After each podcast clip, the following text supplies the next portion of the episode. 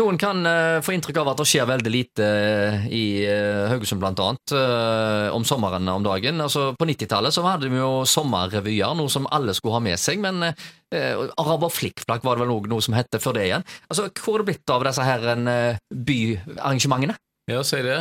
Vi hadde jo, som vi snakket om sist, vet du, så hadde vi jo der Viserulyrikkfestivalen på 70-tallet, og turnfestivalene da.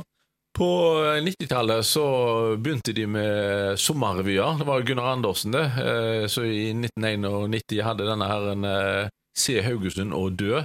Eh, han allierte seg med Inventum. Inventum de var relativt ny, nystarta, og de mm. hadde behov for, for penger. og så tok de jo da så at de hadde en ledig bakgård der i Sørhaugata. og så heiv de opp eh, noe seilduk og satte inn noen bord og benker, og, og hørte da Gunnar Andersen som lagde en eh, revy. Så det ble en eh, kjempesuksess da. Så det var, holdt si, Selv om revyen var morsom i seg sjøl, så det som vel mange husker igjen fra dette, det var jo allsangarrangementet etterpå og sånt. Og, ja, ja, ja. Eh, da, så det var artig.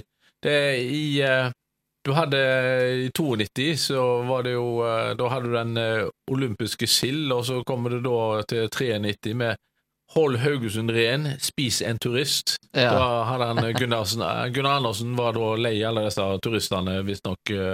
Så han var jo en Gunnar Andersen han var en stor humørspreder da, og han fikk faktisk denne hedersprisen, Humørsprederen. Oh, ja.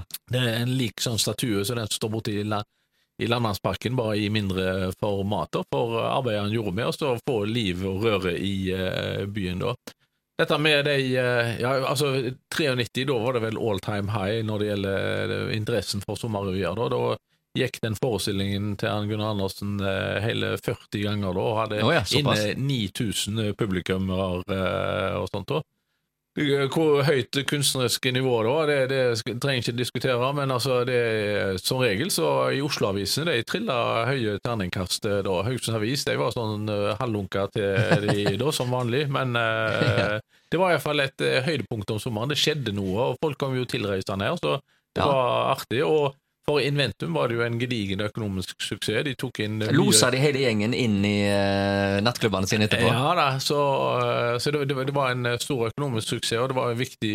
Hadde ikke Inventum hatt disse revyene, så er det ikke sikkert de hadde greid å bygge seg sånn opp som de senere gjorde. da. Ja, og Vi skal snakke mer om sommerrevyer og den slags. Jeg får med meg Tor Inge Vormedal igjen her i studio om få minutter.